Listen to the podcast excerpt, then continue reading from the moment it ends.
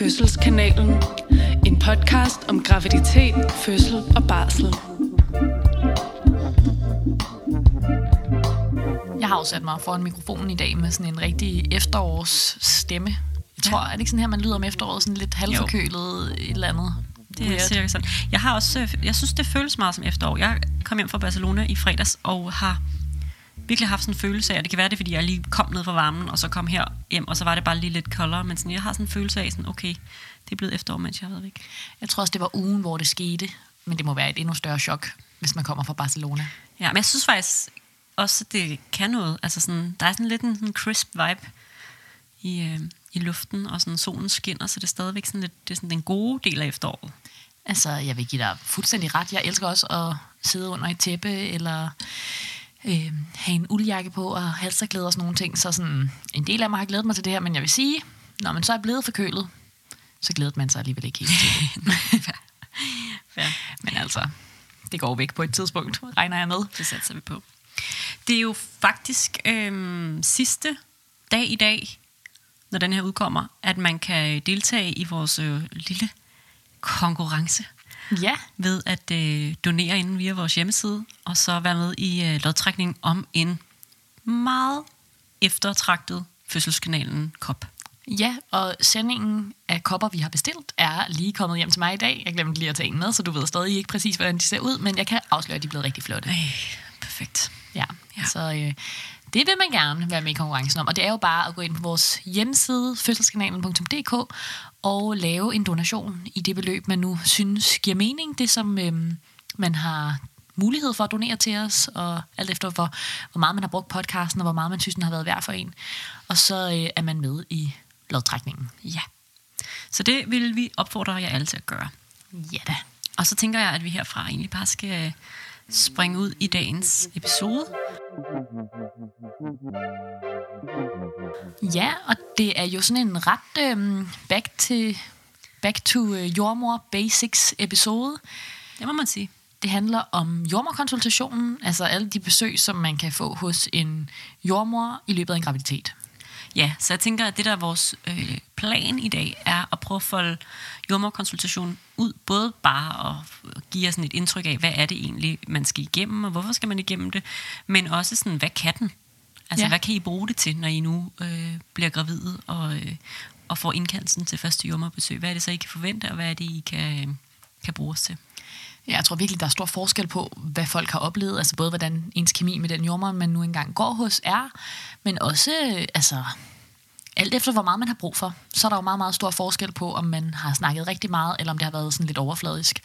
Øhm, og det tænker jeg også er noget af det, man måske kan overveje i dag, mens man lytter med, sådan, hvad har man egentlig selv lyst til at få ud af ved de her besøg, og øhm, skal man selv sådan lede samtalen i en bestemt retning, eller skal man bare læne sig tilbage og, at få standard version? Helt klart, og jeg tror mange, som går igennem sådan en relativt ukompliceret graviditet, kan have følelsen af måske sådan, hvorfor, hvorfor har jeg egentlig gået til jordmor, eller sådan, hvad var pointen i det? Øhm, og det synes jeg selvfølgelig er ærgerligt, fordi at, at der er, sådan, der er ret, ret gode grunde til, at man går til jordmor. Men, øh, men jeg tror også, der er det der med, at hvis man, hvis man bare har en graviditet, der skrider fint fremad, og man ellers har det godt i sit liv, der hvor man er, øh, jamen så er det måske bare sådan the absolute basic, man får ud af en jordmorkonsultation, som er, at der er en jordmor, der holder øje med, at det barnet har det, som det skal, og vokser, som det skal, og at man selv har det sådan fysisk øh, godt, og ikke bliver ramt af nogle af de graviditetssygdomme, som ligesom øh, findes. Øh, og det kan godt give følelsen af, måske netop ikke har fået så meget ud af jordmorkonsultationen, og det tror jeg bare, man skal egentlig tænke lidt som sådan en, det er jo i virkeligheden en fin ting, for det betyder formentlig i hvert fald bare, at, at alt er gået rimelig sådan meget på skinner. Mm. Men, men det er sådan en lidt særlig tid, fordi man jo ikke normalt går til sådan nogle sundhedstjek. Altså, Sandt. jeg tænker, at øh, jeg ved ikke, om mit eget blodtryk nogensinde er blevet målt, øh, bortset fra i vagter på fødegangen, hvor jeg har kedet mig virkelig meget og tænkt, jeg ved, hvad mit blodtryk er. Men når man er gravid, så får man jo målt det rigtig mange gange. Altså, det er virkelig sådan en tid, hvor man får mange check-ups, Ja. og det kan være fedt og dejligt og betryggende, og det kan også være sådan lidt why-agtigt, mm. hvis alt Ja. bare er, som det skal være. Ikke? Og det, som vi i hvert fald håber, vi kan gøre med den her episode, er, at der er helst ikke nogen, der skal gå øh, gennem en graviditet og ikke føle, at de får det ud af en jordmorkonsultation, som de gerne vil. Altså selvfølgelig har det sine begrænsninger, men, øh, men det er jo ikke sådan, at man skal føle, at man har en masse ting på hjertet, som man ikke rigtig har mulighed for at, at få delt med en jordmor, fordi det er jo, det er jo også derfor, øh, at vi er der. Så, sådan, så det, er jo, det er det, der er lidt af tanken med dagens episode, er, at vi både skal fortælle jer lidt om, hvorfor vi gør, som vi gør, men også øh, prøve at åbne op for, hvad man kan bruge sådan en jordmor til i Ja. løbet af sin graviditet. Inspirere lidt. Ja. Men øhm, lad os starte med tekstbogen om jordmorkonsultationen. Ja. Tekstbogen. I Danmark tilknyttes alle gravide en fødeafdeling og en konsultationsjordmor derfra. Denne jordmor følger en i graviditeten, og den gravide og jordmoren ses typisk 3-6 gange i graviditeten. I konsultationerne hos jordmoren informeres den gravide om diverse anbefalinger. Jordmoren vurderer barnets størrelse og lejring, og så screenes den gravide for de mest typiske graviditetssygdomme. Der er også tid til samtale og spørgsmål fra den gravide. Førstegangsgravide tilbydes flere tider end flergangsgravide. Første besøg er typisk omkring uge 15 i graviditeten. Her spørger jordmoren ind til den gravides sygdomshistorik, nuværende fysiske og psykiske helbred, samt arbejdsliv og netværk. Den gravide får desuden en gennemgang af anbefalinger og kontaktmuligheder. Er den gravide førstegangsgravid er der en jordmorkonsultation omkring uge 21, hvor der er tid til at snakke om parforhold, sexliv og arbejdsmiljø. Alle gravide tilbydes en konsultation omkring uge 29, og herfra laver jordmoren en grundigere fysisk undersøgelse af den gravide.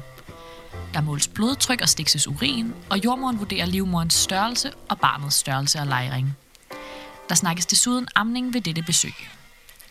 Når den gravide nærmer sig termin, cirka uge 35 eller 36, er der planlagt en konsultation, hvor jordmoren tjekker, om barnet ligger med hovedet eller numsen nede i bækkenet. Her snakkes desuden fødsel. Flergangsfødende får et besøg mere i terminsperioden, mens førstegangsfødende får to. Går den gravid over tid, bookes endnu en konsultation omkring 41 plus 3, hvor der snakkes i gangsættelse, og den gravide informeres om sine muligheder i forhold til dette. Efter vi har lavet den her tekstbog, så er det nok lidt vigtigt, at vi får sagt, at vi jo arbejder på det samme sygehus, og vi ved, at der er lidt nogle andre opbygninger på andre hospitaler. Så man kan måske godt opleve, at man er tilknyttet et hospital, hvor at man ikke får præcis de her besøg. Men øh, tekstbogen her er både lavet ud fra det, vi oplever på vores arbejde, men også det, som egentlig er Sundhedsstyrelsens anbefalinger.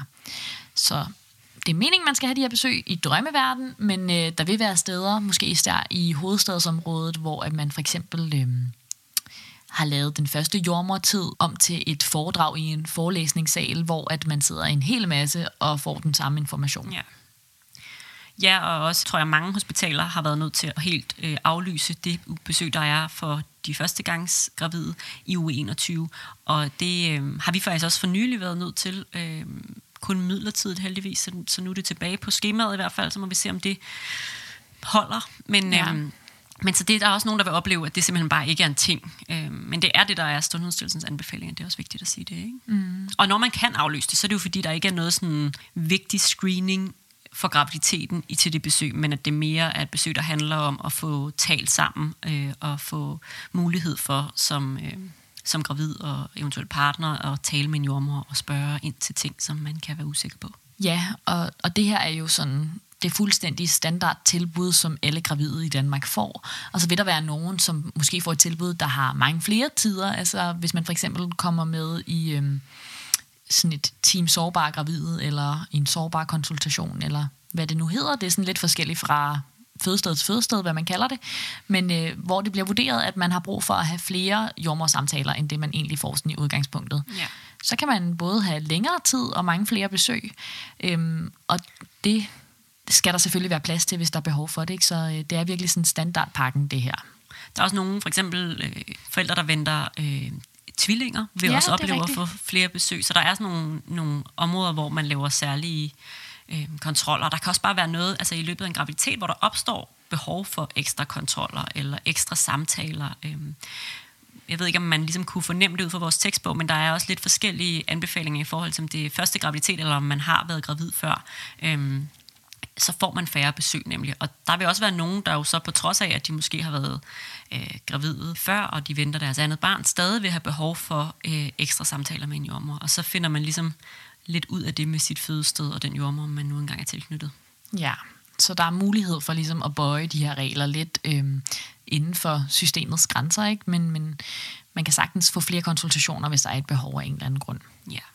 Og måske giver det også mening, at vi allerede nu sådan fortæller lidt om, hvordan sådan en konsultation er opbygget, altså hvor meget tid der er, øh, og hvad der ligesom skal nås i løbet af den tid, sådan så at man har nogenlunde en fornemmelse for, hvad sådan rammen ligesom er.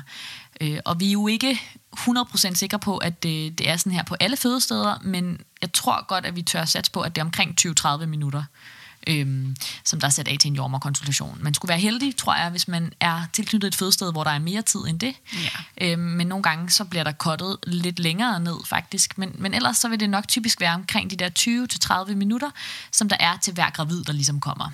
Og øh, i løbet af de 20-30 minutter, der skal jordmoren så nå lige at opdatere sig i den gravide journal, altså inden at øh, den gravide eller parret, eller hvor mange man nu kommer, øh, kommer ind, så skal man ligesom lige sådan læse og finde ud af, hvad der er sket siden sidst, øh, hvis der er sket noget. Det kan også være, at der slet ikke er nogen notater. Øh, og hvis det er en gravid, man ikke har mødt før, så skal man nogle gange læse rigtig meget, for lige at være fuldstændig opdateret på, hvem er det her.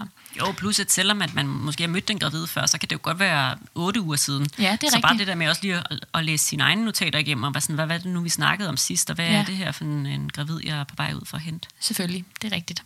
Så nogle gange kan der godt lige glippe et eller andet der. Det er jo meningen, at vi skal sådan være fuldstændig opdateret, men ellers så må man jo gerne lige sådan selv minde jordmoren om, hvis der var et eller andet, som man havde aftalt, man skulle snakke om.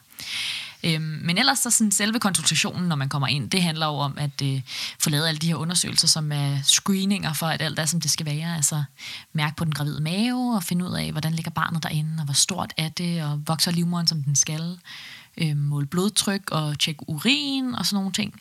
Og så øh, også informere om de ting, man nu engang skal informere om, alt efter hvor man er i graviditeten. Så det kunne være amning i en konsultation, eller det kunne være fødslen, eller det kunne være øh, sexliv, eller parforhold, eller hvad der nu lige er på tapetet den dag. Ja, og så lytter vi selvfølgelig også til den lille hjertelyd. Det tror jeg, der er mange, der Vigtig ser pointe. frem er til, når de kommer til jordmor. Det er rigtigt, det er nok noget af det, man har sådan for sit indre øje, billedet af at være, være i jordmorkonsultationen. Ja. Og så når man er færdig med det, så er der selvfølgelig også tid til en snak. Altså hvis der er et eller andet, der fylder for den gravide, som man gerne vil snakke om øh, i dag. Øh, og bare lige høre, at alt er, som det skal være, hvordan det går, og hvilke spørgsmål der er. Og så skriver jordmoren journal til sidst. Og det gør vi jo typisk, altså måske lidt undervejs, og ellers når, når øh, man er alene tilbage på kontoret, så kan man ligesom lige skrive ind, sådan, så man kan huske næste gang, man ser en gravid, hvad det var, der skete Ja. i dag. Og, og også bare, hvis, øh, hvis nu der er et eller andet, man har opdaget. Altså nogle gange kan der jo også være et barn, der ikke vokser, som det skal, eller et barn, der ligger med numsen nedad i stedet for hovedet. Og så, så nogle gange, så skal vi ligesom lige følge lidt op på det og få lavet nogle tider, eller snakke med en læge, eller øh, sende videre til en anden undersøgelse, eller hvad det nu lige kan være. Ja. Så altså, som man nok sådan også lidt kan fornemme, så er der ret mange ting øh, på programmet, når man kommer til jordmor. Øh, og, øh, og så hvis man netop, som vi også har snakket om, er helt ukompliceret gravid, så øh, kan de her ting måske faktisk overstås rimelig hurtigt. Men lige så snart der er noget, der fylder lidt ekstra, enten øh, for den gravide, øh, eller i graviditeten, altså som du siger, nogle ekstra undersøgelser, vi lige skal lave, øh, så går tiden rimelig hurtigt med det. Øhm, øh, og, og så er der mulighed for at booke ekstra tider, hvis det ligesom øh, er nødvendigt. Men, men det er for at give os sådan et eller andet billede af, hvad er det, hvad er det, det kan. Og der er ingen tvivl om, at i hvert fald jeg personligt, og det ved også du, vil ønske, at vi havde meget mere tid. Altså fordi vi kunne bruge meget mere tid på at, øh, at få foldet nogle ting ud, og få snakket om nogle ting. Og øh, en gang imellem, så sker det jo, at man møder et menneske i konsultationen, som simpelthen har brug for mere end 30 minutter. Altså hvor 30 minutter ikke er tilstrækkeligt. Og så er det jo os, der sådan prøver lidt de mulige kunst med at både rent faktisk give muligheden for at få åbnet op for noget af det her, der kan være svært, eller noget, der fylder i graviditeten, og samtidig selvfølgelig også prøve på ikke at lade vores program sådan løbe helt af sporet. Øhm, så det er sådan lidt de mulige kunst, og, øhm, og nogle gange der, jeg i hvert fald personligt som jordmor, kan synes, det er lidt utilfredsstillende, fordi at jeg nogle gange ser et behov for at få uddybet en masse ting, eller få skabt et rum, hvor at man kan dele lidt øh, af det, der måske er svært, øh, eller at jeg kan få mulighed for at informere om nogle af de her ting, øh, som jeg undersøger mig frem til i deres graviditet, og som jeg synes, det er vigtigt, at de får noget, noget mere information om, øh, og at, at jeg så skal være så sådan styret af, af tid. Mm-hmm. Ja, og nogle gange så kommer der jo en gravid ind, hvor der simpelthen er et øh, behov for at tage en virkelig vigtig samtale. Og så er man jo nødt til som jordmor at læne sig lidt tilbage og være sådan, nu rører vi uden for programmets meget sådan faste rammer og kort tid til hver gravid, og så øhm, give plads til, at den her samtale kan folde sig ud. Og det er jo så her, hvor ens program skrider. Øhm, så, så man vil nok opleve, øh, at der er ret stor forskel, måske fra gang til gang i ens egen graviditet, men også hvad man hører andre har, at, at det kan være, at der er nogen, der har en, en tid, hvor man måske snakker en time, og så er der nogle andre, som er inde og ude af døren igen på 10 minutter i kvarter, hvis alt bare fuldstændig er, som det skal være, og man ikke har nogen spørgsmål. Så, så jeg kan godt flexe ret meget. Øhm, men der er ligesom ikke tid til en times samtale med alle om, hvordan det er at skulle være forældre, eller ens egen barndom, og hvad man ligesom har, har med sig, og hvad man gør sig af tanker nu, eller øh, parforhold. Altså alle mulige ting, som vil være rigtig, rigtig dejlige at folde ud, og som jeg egentlig også tror er vigtigt, både for ens sådan, sundhed og, mm. og øh, ja, hvordan man går ind til ens fødsel og så videre. Men, men øh, det bliver sådan meget... Øh, i udgangspunktet meget sådan standardinformationen, som yeah. alle kommer til at få. Og, og det er også rigtig godt for de fleste, tror jeg. Ja, og man kan nå meget på 30 minutter, og jeg synes også, at jeg på en eller anden måde formår jeg også at, at komme ret godt ind på livet af mange af de mennesker, som kommer forbi min, min biks, og på den måde så, øhm, så er der meget, der kan lade sig gøre, men det er også meget sjældent, at jeg er fuldstændig on time. Altså for at sige stort set aldrig. Og det kan man måske også bare lige have lidt i baghovedet, når man sidder som gravid og venter på sin jordmor, at, øh, at vi gør os faktisk umage for at, at prøve ikke at gå alt for meget over tid, men at det også bare er svært nogle gange, fordi man også gerne vil imødekomme de behov, der opstår i løbet af sådan en dag.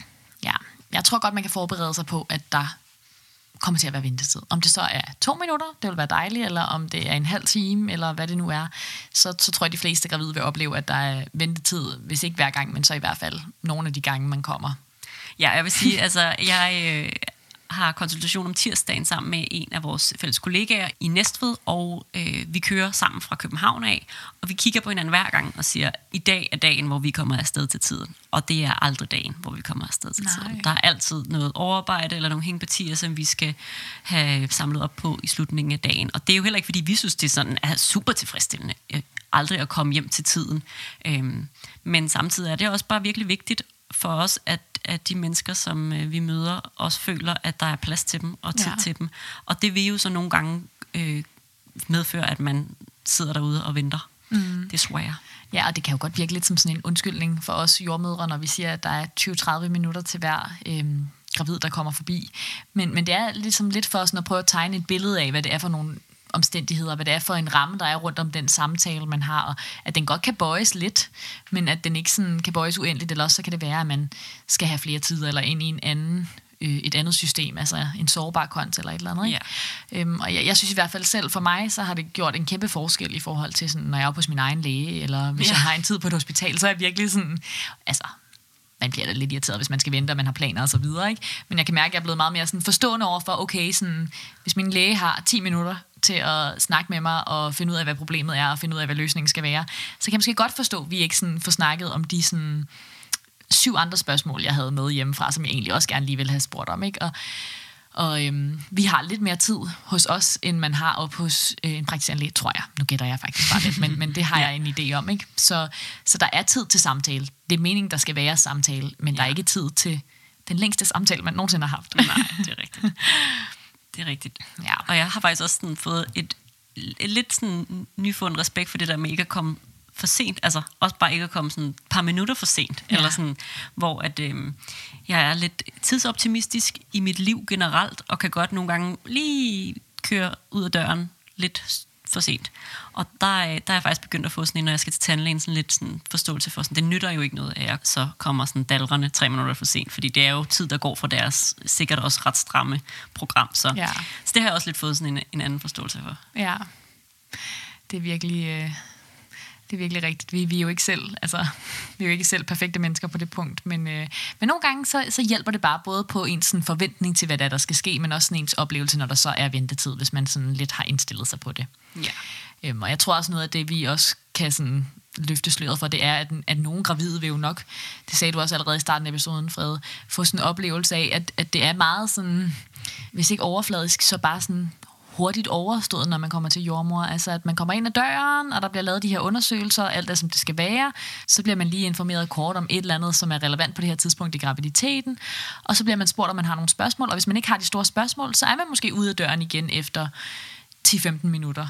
Og så øh, tænker man, nå okay, det var faktisk slet ikke det, jeg lige havde forestillet mig, når jeg, når jeg var til jordmor.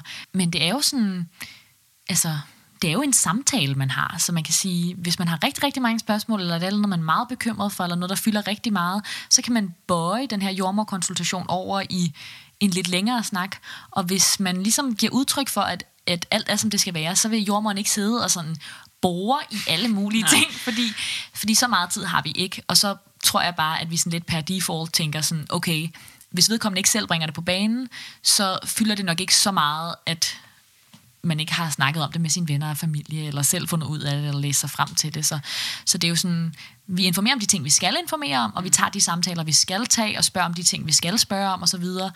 Øh, og så giver vi plads til spørgsmål, men, men det er ikke sådan, så, altså det har jeg personligt ikke, øh, altså det gør jeg personligt ikke i hvert fald, spørg ind til sådan, øh, meget, meget dybe emner, øh, som jeg ved kommer til at tage lang tid at snakke om, hvis ikke det er noget, som den gravide selv bringer på banen. Fordi at det, det fordrer systemet ligesom ikke på en eller anden måde. Øhm, og jeg vil gerne tage snakkene, hvis det er noget, der fylder. Altså det vil jeg rigtig, rigtig gerne. Så, så man må ligesom, altså hvis man kan mærke hjemmefra, når man går ud af døren, når man er på vej til jordmor, at der er et eller andet, man virkelig gerne vil snakke om i dag, så øh, skal man ikke nødvendigvis sådan sidde og håbe på, at det bliver bragt på banen, men, men så skal man måske selv bringe det på banen, mm. fordi så skal man nok tage snakken.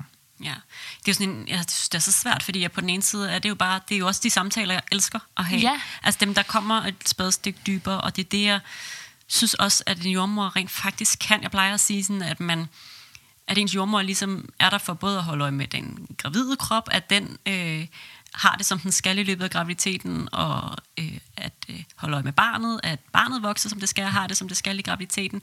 Og så jo også at snakke om de ting, der fylder. Ja. Og det er jo det at snakke om de ting, der fylder, der er noget af det fede ved jordmorkonsultation, og noget af det, der gør, at jeg elsker at have jordmorkonsultation, også selvom jeg altid er bagud, og selvom jeg er stresset. Mm, man kan øh, blive sådan helt gennem, høj på de der samtaler. Ja, gennem delen af min dag. Ja. Men fordi jeg synes, at den der mulighed for lige at sådan lave sådan et, hvordan går det faktisk lige nu og her mm. med dig, øhm, så, så i virkeligheden, så synes jeg jo, at, øhm, at man skal kræve sin plads i jordmorkonsultationen og, og få spurgt om de ting, der skal, og, altså, og også være med til at vise, at der rent faktisk er et behov for at have en jordmor, øh, som har tid til at tale med en om det, der er svært. Øhm, fordi det er jo i virkeligheden det, jeg ville ønske, det var, at vi fik mere tid. Altså, at, øhm, at systemet anerkendte, at det her det er, er væsentligt både for øh, ens sådan velbefindende, men også for ens øh, start på det nye familieliv eller forældreskab. Øhm, ja. Altså, jeg er jo helt enig i alt, hvad du siger, og jeg kan godt se, sådan, at til sammenligning så fremstår det lidt kynisk, det jeg fik sagt med, at, at jeg ligesom ikke bor i det, men, men det er jo for på en eller anden måde at give et, et realistisk billede af, hvad, hvad systemet er lige nu, øhm, og, og måske også for at sige, at sådan, det kommer til at være meget forskelligt, hvad det er for nogle samtaler, man har med sin jordmor, og det det kunne være et meget, meget bedre system. Jeg synes, at mange af de her samtaler burde vi tage med alle. Altså i drømverdenen så havde man jo meget mere tid, og så, så snakkede man med alle om familiedannelse og, og alt det psykiske, der er bag, og øh, alle de tanker, der er omkring det at skulle være forældre lige om lidt, og så videre. Øhm, og, og det gør vi jo også, men, men tit bliver det nok sådan lidt hurtigt for ligesom at scanne, er det her noget, der fylder meget hos dig, eller er det her noget, hvor du har nogle udfordringer, og hvis ikke der popper et eller andet op, så, så går man ikke ind i en meget lang samtale om det, hvor at, at rigtig mange har måske godt af at have de her samtaler, selvom man bare ikke helt ved det selv. Altså. Og du har jo fuldstændig ret, altså det, det er jo også vigtigt at give et, et realistisk billede, altså sådan, så man ikke forventer, at man kommer ind til øh, det ved ikke, seks gange psykologtimer mm. øh, med alt tid i verden til at, at ligesom vende hver en sten. Altså for, for sådan er systemet bare ikke bygget op. Og jeg tror også, at det jeg i hvert fald hører fra mange, er, at det også øh, i langt de fleste gravides tilfælde, og øh, for langt de fleste konsultationsjordmøder, vil være det mere overfladiske. Og så vil der være nogle enkelte, som har et særligt behov, og derfor får muligheden for at at gå lidt mere dybt med nogle ting. Øh, men, men ingen tvivl om, at, øh, at det jo langt hen ad vejen forbliver overfladisk, fordi at rammerne er der til.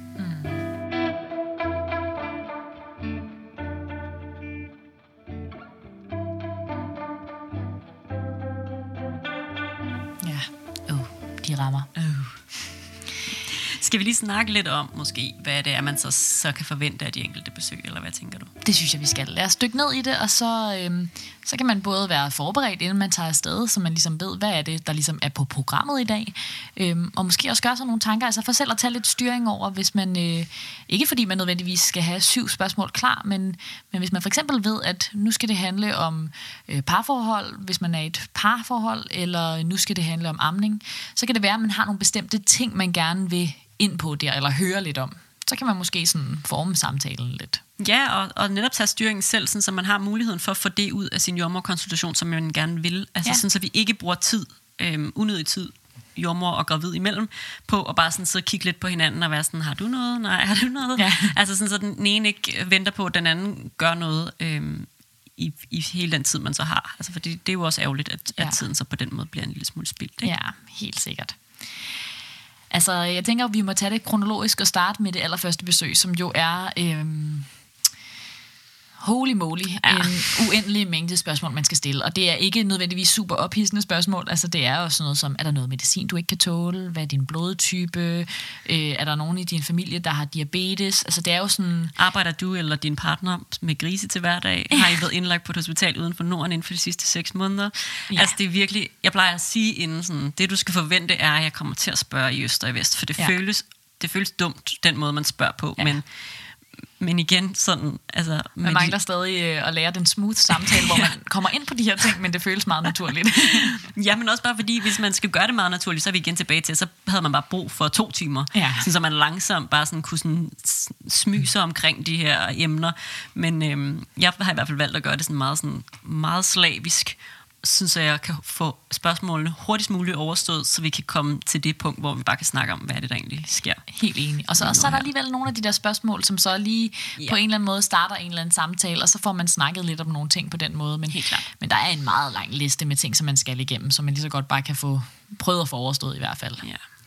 Og jeg, jeg tror, der er mange, der får sådan lidt øh, et chok, vil jeg ikke sige, men i hvert fald bliver overrasket over, at man har gået og været gravid i måske 3-4 måneder, og glædet sig lidt til den her jordmorkonsultation, og man har måske allerede haft nogle udfordringer, altså kvalme, været meget træt, alle de her virkelig irriterende gener, man kan have i første trimester.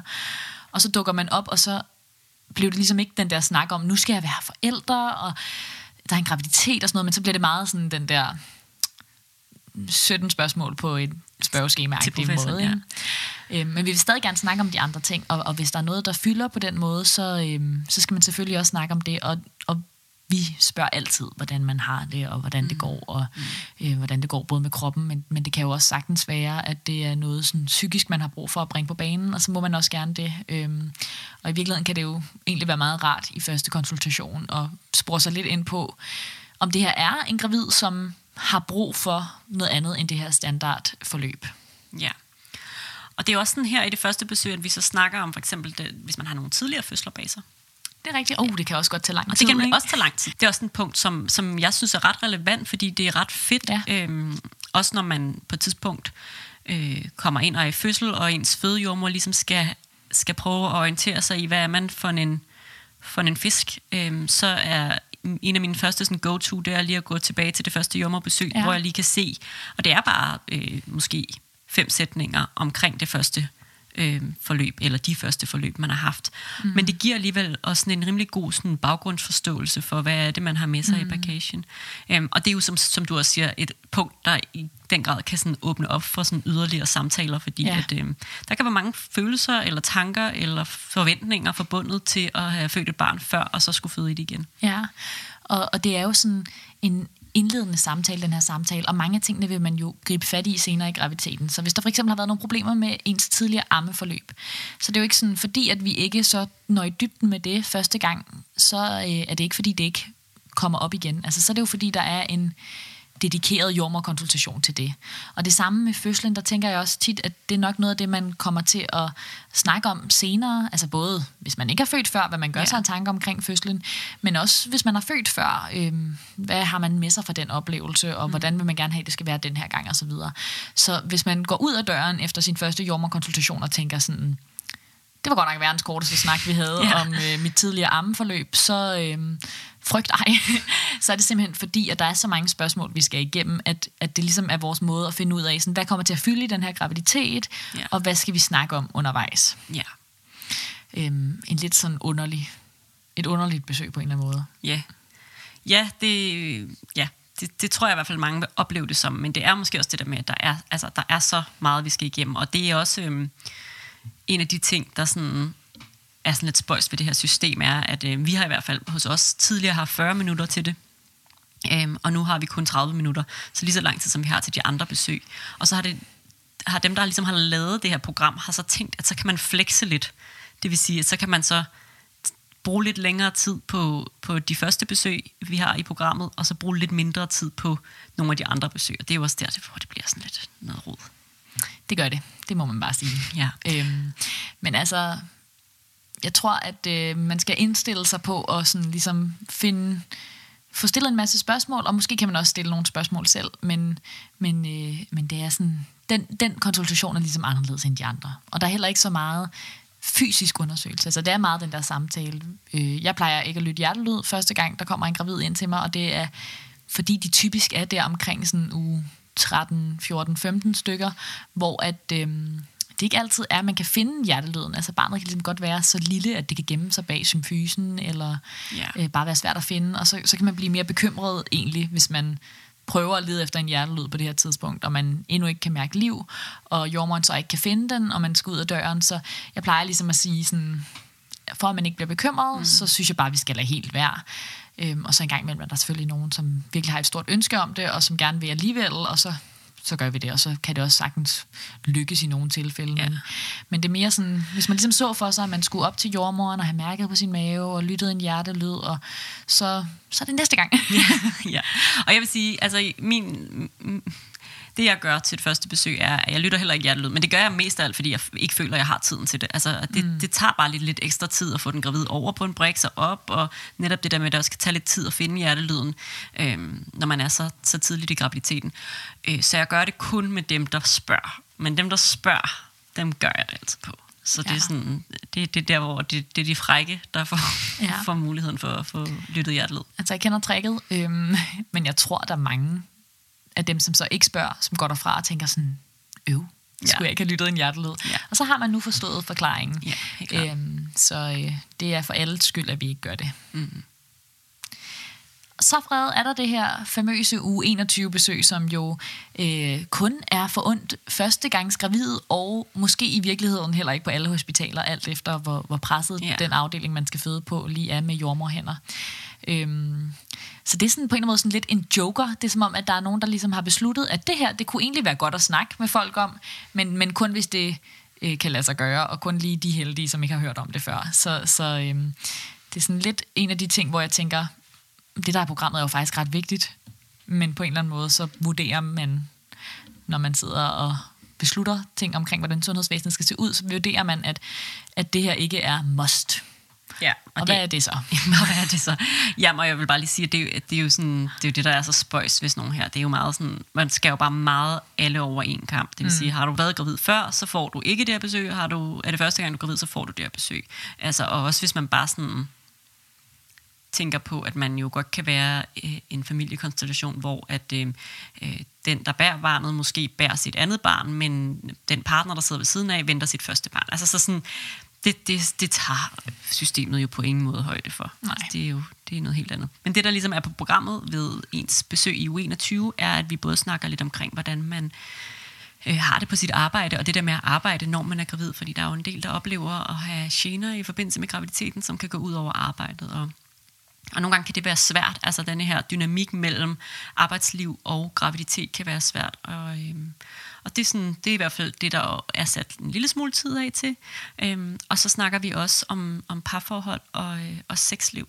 Øhm, så det er jo også noget med, både selvfølgelig at kan snakke lidt om, hvordan går det nu og her, altså i graviditeten, øhm, men jo også et sted, hvor jeg i hvert fald bruger det som en mulighed for at få sådan plantet nogle tanker i deres hoveder, altså i forhold til både resten af graviditeten, men især også i forhold til det der med at skulle være forældre. Så jeg plejer at snakke lidt omkring, at det kan være en god idé at, at øve sig på at have de her lidt svære samtaler og snakke lidt om, hvordan ser man sig selv som forældre, og hvordan vil man gerne være fælles om øh, at skulle være forældre, hvad er vigtige værdier for en, øh, og også snakke lidt omkring de der ting, der kan være svære, altså i forhold til for eksempel sexliv. Nogen kan opleve at have øget sexlyst i graviditeten, andre kan opleve det modsatte, og, og det samme kan i virkeligheden gælde, hvis man har en partner. Der er nogle partner, der synes, at øh, den der gravide krop, når den vokser, er vildt sexet, og nogen synes, det er en lille smule underligt, at mm. der er et barn derinde, som, som på en eller anden måde bliver en lille smule for sådan præsent, når man så skal have sex. Så det er sådan,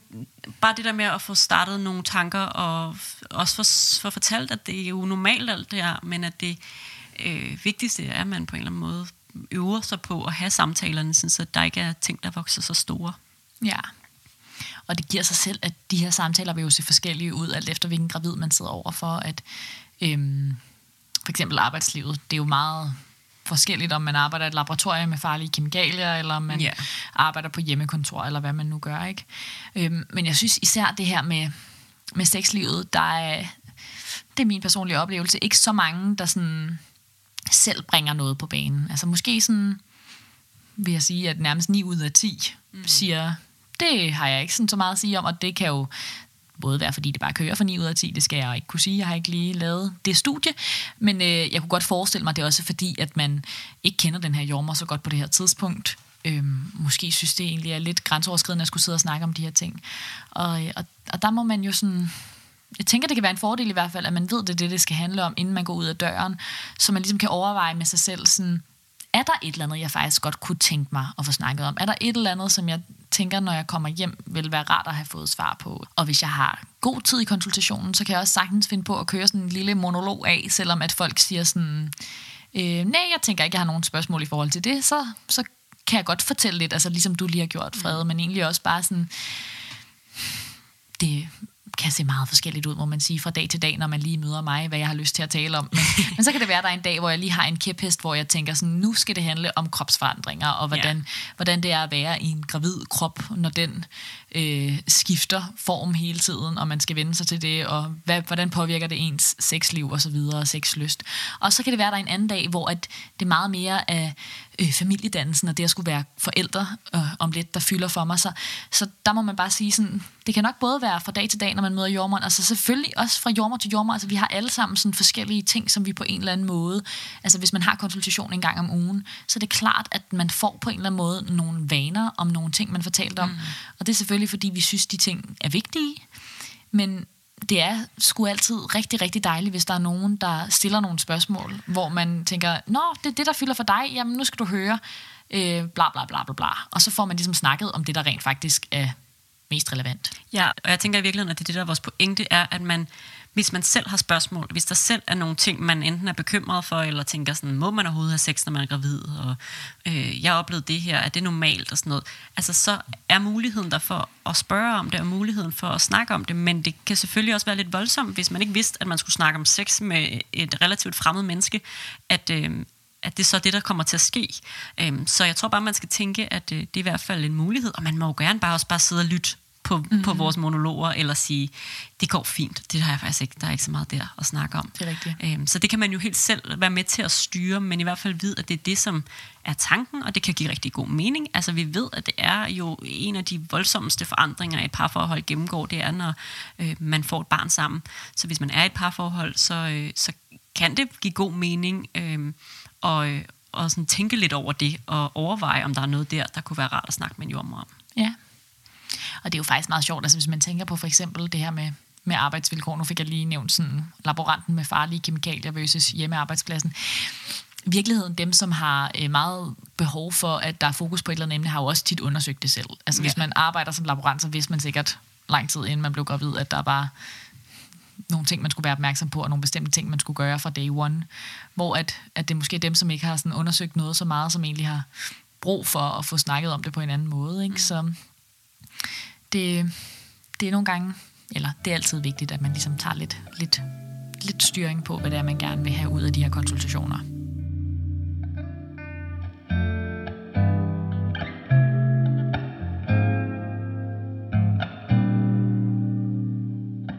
Uge 29 besøget, så er vi tilbage på et besøg, som alle gravide får. Men jo også et besøg, som vil være, variere meget fra, om, om man har ammet før eller ikke har ammet. Helt fordi sikkert. det er det, det handler om meget i uge 29, det er at snakke om amning. Og, øhm, og der er det jo igen det her med, hvis ikke man har ammet før, så er det jo mere sådan noget med lige at sådan, måske rise Sundhedsstyrelsens anbefalinger op, og også lidt tale om, om man selv har gjort sig nogle tanker omkring amning. Altså, så vi prøver ligesom at spørge ind til, er der noget, noget her, vi skal snakke om. Øhm, det er min oplevelse, at mange kommer, hvis ikke de har ammet før, og er meget sådan, det, det tænker jeg da bare, jeg skal. Øhm, og det, det føler jeg jo også på mange måder er et godt udgangspunkt, men det er også et sted, hvor jeg tænker, det kan give god mening at, at bruge noget tiden i graviditeten på at sætte sig lidt ind i, hvad er amning. Og det kan man jo passende gøre inden det her besøg, altså fordi man så kan igen få mere ud af samtalen med jordmoren, hvis man kommer og ligesom har sådan, jeg har læst denne her bog, eller jeg har set de her film, eller jeg har øh, undersøgt det her øh, på nettet, eller jeg har gået til det her armeforløbsforberedelse. Mm. Og så kan man ligesom snakke ud fra det, øhm, hvor ellers er det igen sådan et sted, hvor det er meget af måske bare os, der siger, prøv at, prøv at søge noget viden, og Ja. det kan være en god idé at sætte sig lidt ind i, hvad er amning. Og hvis man nu ikke har tid til at undersøge det helt lige så meget, som du siger der, så kunne det også være noget med bare dagen før at snakke med nogle af sine venner, som har armet, eller øh, snakke med ens egen mor, eller bare lige sådan på en eller anden måde få startet nogle overvejelser om, at der er et eller andet særligt, jeg har brug for at snakke om. Øhm, og jeg synes, det er en ret vigtig pointe, det der med, at, at meget af den viden, man får om de her ting, får man uden for jordmorkonsultationen. Og så vil man ligesom kunne bruge jordmoren som en sparringspartner, altså hvis der er et eller andet, man har brug for at få uddybet, eller forklaret, eller få nogle alternativer, øhm, at så er det der, hvor man kan bruge ens jordmor. Fordi det er jo ikke et øh, one-on-one arme øh, forberedelseshold, man kommer på, og det er heller ikke sådan, så når man nærmer sig termin, så får man one-on-one fødselsforberedelse. Men man får mulighed for at sidde over for et menneske og snakke om de ting, der bekymrer en, eller snakke om nogle ting, man egentlig ikke helt forstår, eller øh, få noget forklaret, så man får meget mere ud af det, hvis man ligesom har, har gjort sig nogle tanker på forhånd. Ja, og det er jo heller ikke fordi, nu kom det jo meget til at lyde som om, at jeg havde sådan en eller anden forventning til, at man skulle have gennemgået alt muligt, før at man kunne komme til jordmor. Og det mener jeg faktisk overhovedet ikke. Men jeg mener, at det kan give mening i hvert fald at overveje, hvordan Ja. vil jeg gerne gøre mig selv klar til at skulle arme. Er der ja. noget særligt, jeg synes, det vil være relevant for mig at dykke ned i? Eller handler det måske bare lige om at ja, brushe lidt op på, hvad det nu anbefalingerne er omkring amningen, eller netop snakke med, med ens familie og venner omkring sådan, hvad, hvad er amning? Har I nogle gode råd i forhold til det? Sådan, altså, så, så lige gøre sådan nogle overvejelser, lige tænke over netop, er der noget, som jeg gerne vil have ud af min samtale med jordmoren i morgen, eller i næste uge, eller hvornår den nu ligger. Og vi møder jo gravide, som har øh, virkelig forskellige øh, fokus i løbet af deres graviditet, og også virkelig forskellige overskudsniveau, og vi møder både dem, som har taget et online armekursus og læst nogle forskellige bøger, og dem, som dukker op og ligesom slet ikke har skænket det en tanke, og egentlig måske ikke engang helt har overvejet, om de vil amme eller ej. Og, øhm, og det er jo, jeg tænker, det her det er meget sådan en opfordring til, at hvis man ligesom sådan vil presse citronen, så kan man forberede sig på forhånd, og så stille alle de helt præcise spørgsmål, man har brug for.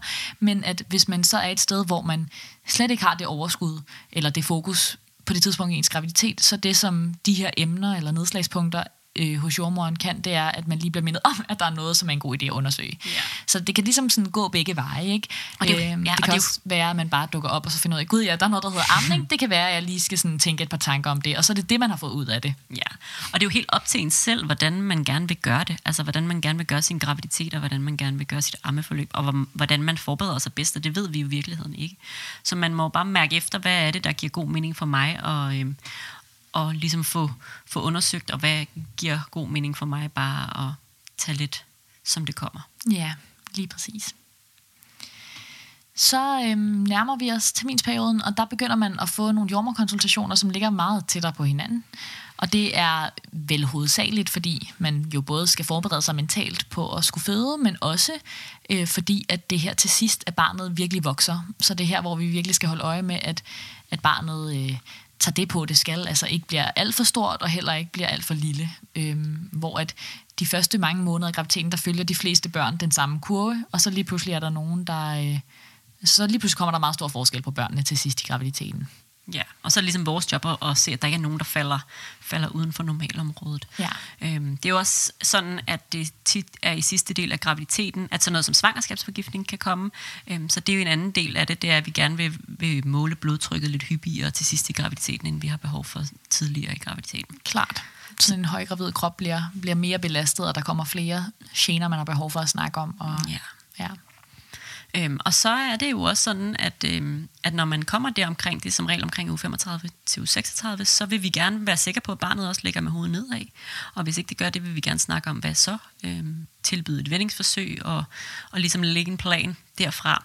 Så der er sådan, der er sådan nogle andre ting, der lidt øh, kommer i fokus, men til gengæld er der ikke helt lige så meget sådan to-do på, på samtalefronten. Der er lidt mere, eller det er der i hvert fald, det er i hvert fald mit sådan indtryk, at der er lidt mere plads til også at tage, hvad er det, der fylder lige nu og her. For det vil være meget forskelligt. Der er nogen, der vil have meget behov for at, øh, at snakke fødslen, og øh, hvor det vil fylde meget, og så er der nogen, der vil have behov for at snakke om nogle andre ting, som fylder ja. Den sidste del af graviditeten. Det er virkelig rigtigt. Så det er sådan et, et meget, det er en god konsultation, den der, fordi den er lige inden terminsperioden begynder i uge 37.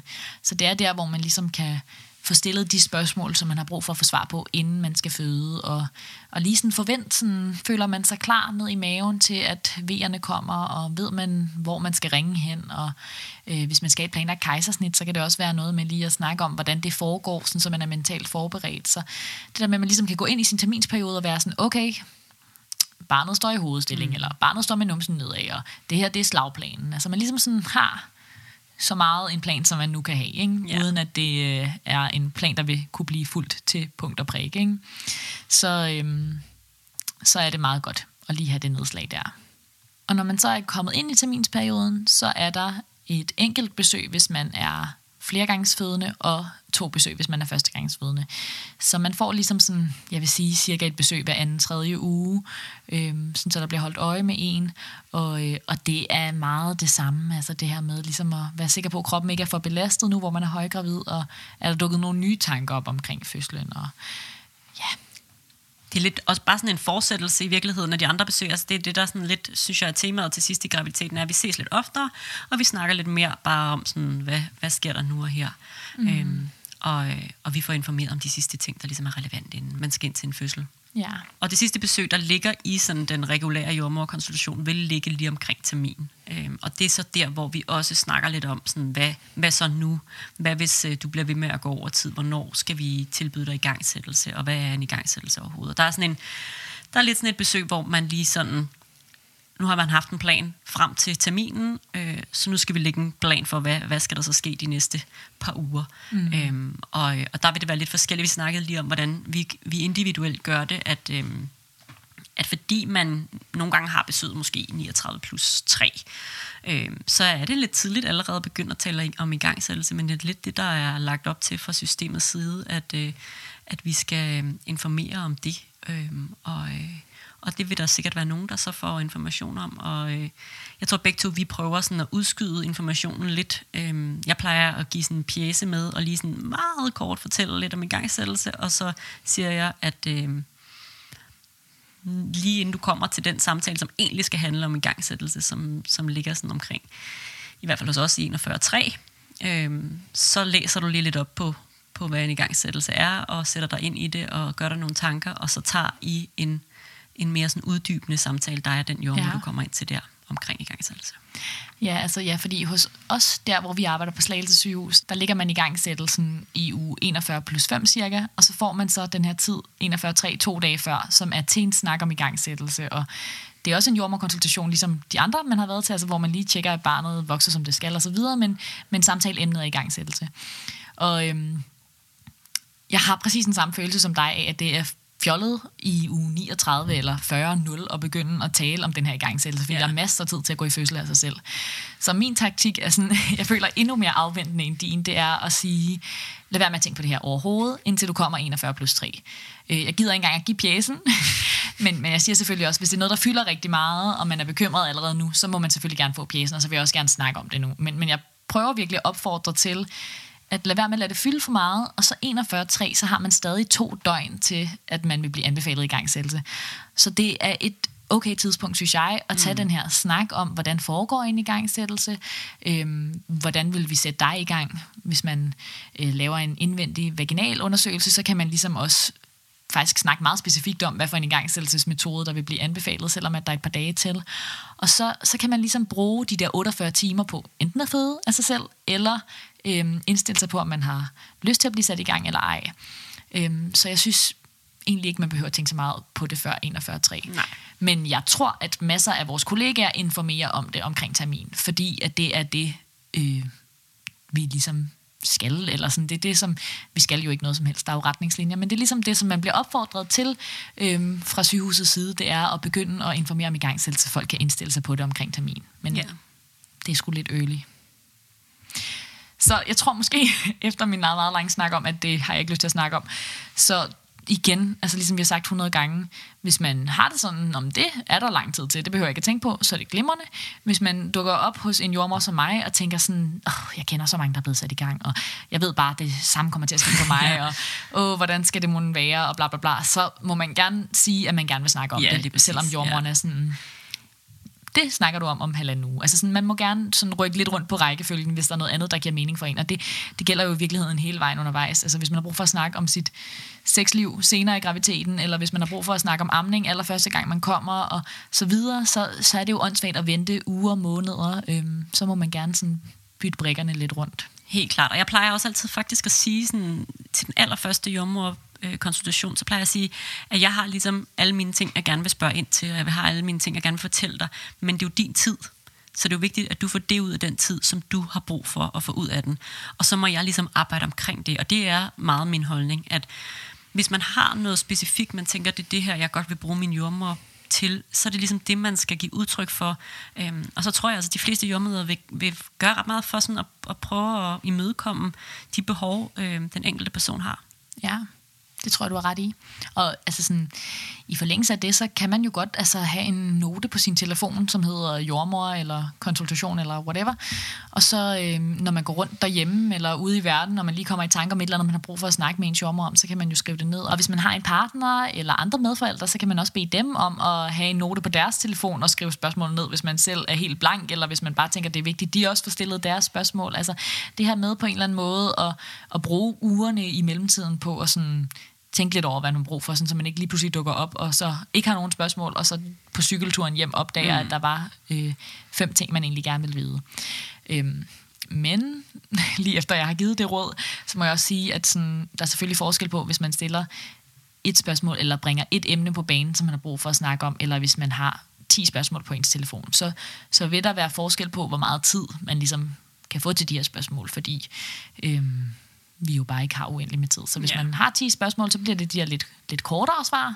Og hvis der er et eller andet emne, som fylder, som man øh, er bange for at glemme, eller bange for, at man glemmer, hvordan man gerne vil formulere det, eller, eller man har brug for at skrive det ned, sådan, så man tør spørge, eller whatever, så, øh, så vil det være en lidt anden form for samtale, man kan have. Ikke? Ja. Det er virkelig, virkelig en god pointe, og øhm, også noget, jeg altid plejer at sige. Og det kan jo igen være med til, at man så får faktisk spurgt om de ting, som man har brug for at spørge om i løbet af sin graviditet. Mm. Øhm, og nu nævnte du lige sådan partner og medforældre. Og det er også noget, jeg synes, at vi lige skal sådan runde det her med, sådan, skal man som gravid komme alene til jordmorkonsultationerne? Skal man tage sin partner med, hvis man har sådan en? Andre forældre? Hvordan, hvordan skal man gøre jordmorkonsultationer? Hvad forventer vi som jordmøder? Og øh, jeg vil sige, vi, vi forventer ikke rigtig noget specifikt. Jeg plejer at sige, at, at jeg synes i høj grad, at, øh, at andre forældre er er velkommen. Øh, det er jo sådan så, at det er den gravide krop, vi ligesom som minimum skal bruge. Øh, så det er den person, der skal komme. Og det er ikke sådan, at jeg ser skævt til partnere, som ikke kommer med øh, til jordmor. Fordi jeg er godt klar over, at det kan være svært at få det til ligesom at hænge sammen med arbejde og den slags. Så hvis man bare kommer alene som gravid, så er det helt fint. Øh, og så er udgangspunktet jo den gravide og den gravides tanker og følelser. Kommer man som et par, så er det jo mere øh, øh, begge personer som forældre eller kommende forældre, som man så går ind i dialogen omkring øh, ting og sager med. Så det vil bare variere, hvordan jeg så øh, gør min jordmorkonstitution, alt afhængig af, om man har sin partner eller andre forældre med, eller om man kommer alene. Mm. Øhm, hvad udgangspunktet ligesom er. Og så siger jeg også nogle gange, at hvis man har en partner, som øh, for eksempel har været med til en, en fødsel før, øh, som var traumatisk for personen, eller øh, selv går og bakser med nogle tanker i forhold til det at skulle være forældre, måske for første gang, at, øh, at så giver det da virkelig god mening, at, at man øh, tager personen med til jordmor, så at at vi ligesom kan få en samtale op og køre omkring det, og måske øhm, kan man komme med nogle input som jordmor, som de så kan gå hjem og tale videre om derhjemme. Så det er sådan lidt, det er meget op til en selv i virkeligheden, hvordan man ønsker at gøre sådan en jordmorkonsultation, om man bare ønsker som gravid at gå til dem alene, eller om man ønsker at have sin, øh, sin partner med. Ja, jeg synes egentlig også, jeg oplever, at der er ret mange, som... Øh altså mixer lidt. Og så kan det være, at man har øh, nogle konsultationer, hvor det kun er den gravide, der dukker op, og så kan det være, at det for eksempel kan være rart øh, at komme alle dem, der skal være med til fødslen, og øh, snakke med jordmoren den tid, man har, inden terminsperioden går i gang. Og ligesom få stillet de spørgsmål, man har omkring det, og ligesom have sådan et fælles grundlag øh, og en fælles samtale. Så det kan ligesom også være noget, man kan gøre. Altså spørge jordmoren sådan, hvad, hvad er på programmet næste gang, og så ligesom overveje med sig selv, sådan, hvem skal vi så være til den jordmorkonsultation. Så man kan ligesom også gøre det lidt forskelligt fra gang til gang. Men øh, ja, der er ingen regler overhovedet, og du har ret i, minimum er den gravide krop, øh, og med det betyder det jo også, at øh, hvis man ikke selv er den, der er gravid, så kan man også godt opleve, at der er noget fokus, som rører over på den gravide krop, og det kan selvfølgelig også godt være sådan både lidt kedeligt øh, at deltage i, men også bare sådan lidt hårdt, fordi man jo også altså, selv har behov for at, sandsynligvis i hvert fald, at snakke om rigtig, rigtig mange ting omkring det at skulle være forældre snart. Så, så det er jo sådan lidt en særlig position, og nogle gange gad man godt, at der var et, et helt andet tilbud, yeah. eller øhm, igen bare mere tid, sådan så at den fysiske undersøgelse kun fyldte et, en mindre brøkdel af, af al den tid, der var.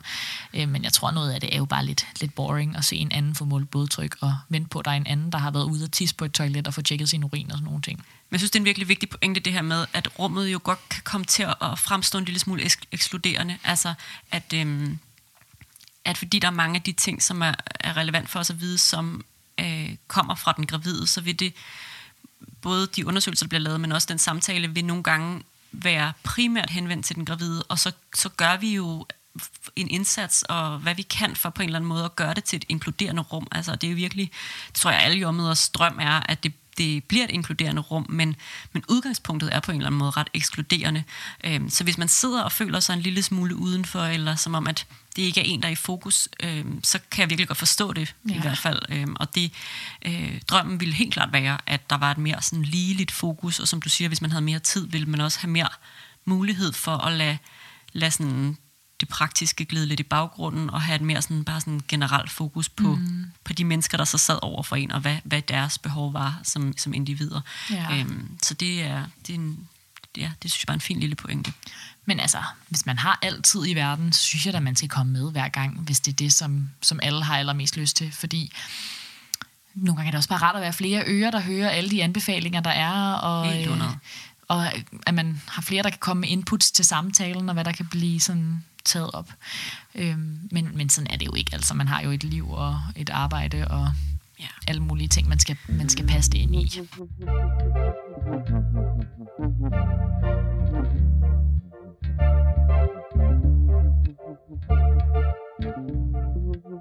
Jeg kunne godt tænke mig lige sådan, bare lige hurtigt at sige, at det som en jordmorkonsultation jo kan, er, øh, og det som den er, er et screeningstilbud og et samtaletilbud. Øhm, det vil sige, det er jo ikke fødselsforberedelse, og det er ikke øh, ammeforberedelse. Og det tror jeg også bare kan være meget fint at vide, at det er ligesom noget, man, man får fra et andet sted end det her. Så, så det er ikke det, man skal gå ind og forvente. Vi kan sagtens snakke om amning, vi kan sagtens snakke om fødsel, men det er ikke fødselsforberedelse.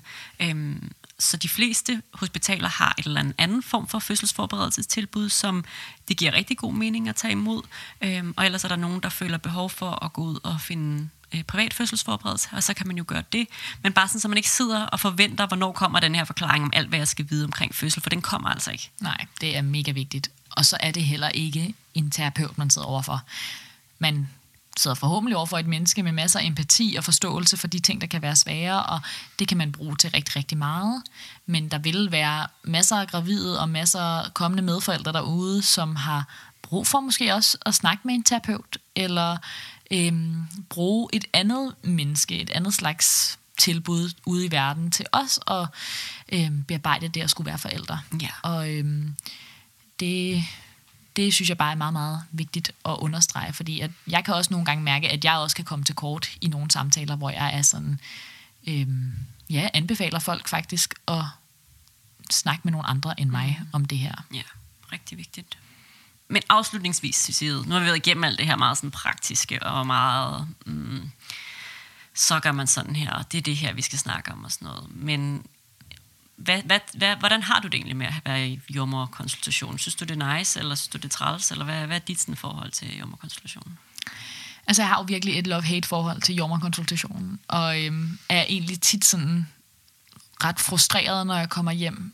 Jeg føler, enten er jeg meget frustreret, eller også er jeg lykkelig. Ja. og, og det er det her med, at øh, i udgangspunktet, så elsker jeg at snakke med mennesker, og øh, jeg elsker, når der er god tid, hvordan man kan få en forbindelse til nogen, og følge dem i løbet af deres graviditet, og, og at man kan fornemme, at nu kender vi hinanden lidt bedre, så nu tør du sige nogle andre ting, og nu kan vi snakke om noget på et, et andet niveau, end vi kunne sidste gang, vi sås. Øhm, men det er også øh, en arbejdsdag, hvor jeg ved, når jeg tager toget hjemmefra om morgenen, at jeg kommer til at få travlt. Og det ved man ikke altid ind på fødegangen. Altså, der kan både være roligt på fødegangen, eller også så kan man have et, et roligt fødselsforløb. Øhm, men man ved, der er et program, der er pakket, og, øh, og man kan også af den grund komme til at føle, altså både, at man ikke har fået tisset, ikke har fået spist, øh, at man bare har haft et højt sådan, adrenalinniveau, men også, at man har gjort et dårligt stykke arbejde. Altså, sådan, man kan godt nogle gange mærke, at der var brug for noget andet. Øhm, og det er bare det er bare ret hårdt faktisk at sidde med 11 forskellige familier i løbet af en dag og mærke, at der er noget, jeg gerne vil snakke med dem om, som der ikke er tid til. Og måske noget, de troede, der var tid til, eller bare noget, som de slet ikke har tænkt over, men noget, som jeg synes, de fortjener. Eller sådan. Det er bare mega frustrerende. Men, men der er også dage, hvor jeg på en eller anden måde synes, at det bare kører, og jeg får sagt alt, mm. og at det bare er Ja. øhm, et fantastisk rum. ja. Ja. Hvad med dig? Hvordan har du det med Jamen, jeg kan virkelig godt genkende det, og jeg synes, øhm, at øh, altså det er nok den, den dag på ugen, hvor jeg, hvor jeg er mest stresset, og det er jo aldrig fedt at være stresset. Men, men jeg, jeg, må jo også, jeg er også kommet frem til den konklusion, at jeg får klart mere, end, end jeg giver i den konsultation. Altså, at, at selvom jeg kan være kvæstet, når jeg kommer hjem, og det er mange indtryk, det er også mange mennesker at møde på sådan en dag, så det er mange familier eller øhm, gravide, som man forholder sig til, og som man tager ind, øhm, og, og det er bare udfordrende og hårdt, så, så er det også der, hvor jeg sådan synes, at, øhm, at mit jordmorliv giver rigtig meget mening, altså fordi at vi også arbejder på fødegangen jo meget er sådan noget med at gå ind, og så være meget intens til stede med en familie, og så gå ud igen, når vagten er over. Og der er jordmorkonsultationen jo et sted, hvor man har muligheden for netop at opbygge relationer, og mulighed for at lære nogle mennesker lidt bedre at kende. Og altså så kulminerer det hele jo de gange, hvor at det lykkes at komme ind på fødegangen den dag, hvor at, øh, Natalie også er der for konsultationen, og, øh, og man har snakket og joket med, at det kunne være hyggeligt at føde sammen, og det så rent faktisk lykkes. Og det er der, hvor jeg synes, det hele ligesom, så bliver der bundet sløjfe på det hele, og så synes jeg, at øh, mit jordmorliv er for fedt. Det er rigtigt. Det er virkelig fantastisk. Og det, det er jo også virkelig en måde at få lov til at bruge hele sit sådan, fagfelt. Det der med, at man har en masse viden om graviditet, og man har en masse viden om fødsler, og man har en masse viden om barsel. Altså, det er jo sådan bare virkelig, virkelig spændende. Og Ja. også dejligt at få lov til at dele noget af det viden med, med folk derude. Så det er da... Øhm, det er da fantastisk, men hold nu op, hvor kan man bare have travlt, altså. Man kan have virkelig travlt. Ja. Så øhm, Behandle jeres kontakt, eller Ja. konsultationsjordmøder derude godt. smil kærligt til dem, når de øh, kommer ud med flakne øjne og undskylder for ja. 8. gang Ja. samme dag, for at de er en lille smule forsinket. Så, øh, så send dem lige en kærlig tanke og sig, ved du hvad, det er helt okay. Ja, præcis. Jeg har jo lyst til, Frede, som den flag, jeg er her til sidst, hvor du sagde, at øh, jordmorkonsultation ikke er fødselsforberedelse. Så fik jeg jo lyst til at sige, at øh, vi har jo noget fødselsforberedelse, man kan Åh, købe, hvis man skulle være interesseret. Ja. Og øh, det glemmer vi altid at øh, sådan nævne og reklamere for, men vi burde jo faktisk bare reklamere for os selv. Vi har lavet noget øh, helt fantastisk fødselsforberedelse, hvor man får alt det at vide, man skal. De bedste redskaber, vi kan finde på, og øh, det kan købes ind på vores hjemmeside fødselskanalen.dk for 590 kroner. Ja. En slik. Ingenting. Altså, ja, vi må sige, at vi er rigtig dygtige jordmøder. Vi er faktisk ikke så gode PR-mennesker. Nej, det er vi virkelig ikke. Altså, og det, Men, øh, øh, ja, det er godt, du lige får nævnt det. Øh, det er der klart noget, man kan overveje, hvis man øh, hvad synes, man står og mangler noget fødselsforberedelse. Der er nogen, der har skrevet til os og spurgt, om det kan stå alene, eller om det er ting som noget, man skal bruge som supplement til andet fødselsforberedelse, og det kan altså godt stå alene. Øh, så det, det er i hvert fald det, der er tanken. Øh, og så er der sikkert nogen, der vil synes, det var fedt øh, at have det som supplement til noget andet, og det skal man da bare være, altså, det står der egentlig frit for. men, men vi øh, lover, at man får al den viden, man Ja. ligesom skal have Lige i det præcis. fødselsforberedelse. Lige præcis. Ja. Øh, Så gør det, og ellers så øh, ind og øh, doner nogle penge, så du kan deltage i konkurrencen om den meget, meget eftertragtede fødselskanalen Kop. Og bare få nogle flere af de her dejlige gratis episoder. Ja, yeah. Yes. so long, my friend. So long, so long.